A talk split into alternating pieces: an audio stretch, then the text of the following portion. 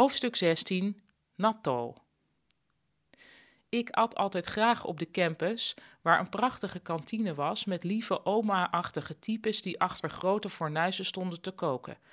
Je vertelde wat je wilde en dat werd dan pijlsnel voor je bereid.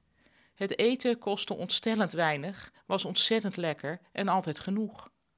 Ik leerde in die kantine de gewone Japanse keuken kennen. Want sushi is ook voor Japanners vooral een feestmaal. Een normale maaltijd is bijvoorbeeld een kom rijst met daarop kip en ei, een soepje, een gepekelde pruim. Ik vond eigenlijk alles lekker behalve natto. Natto is een culinaire cultuurkloof en van cultuurkloven genieten Japanners altijd enorm. Als je probeert Japans te doen onder Japanners, dan komt er een moment waarop je gevraagd wordt: maar hou je ook van natto? Natto is een gerecht dat bestaat uit gefermenteerde sojabonen die draderig aan elkaar kleven.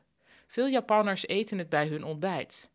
Voor mij ruikt en smaakt het naar verrotting, naar iets waar je verre van moet blijven. En ik ben geen watje wat betreft verrotting, want ik hou bijvoorbeeld erg van weglopende Franse kaas, maar natto is me een brug te ver. Als je tegen je Japanse vrienden zegt dat je inderdaad wel eens natto hebt gegeten en dat je het inderdaad verschrikkelijk vies vond, dan lachen ze opgelucht. Natuurlijk vond ik het vies. Een buitenlander hoort natto vies te vinden. De orde der dingen houdt stand.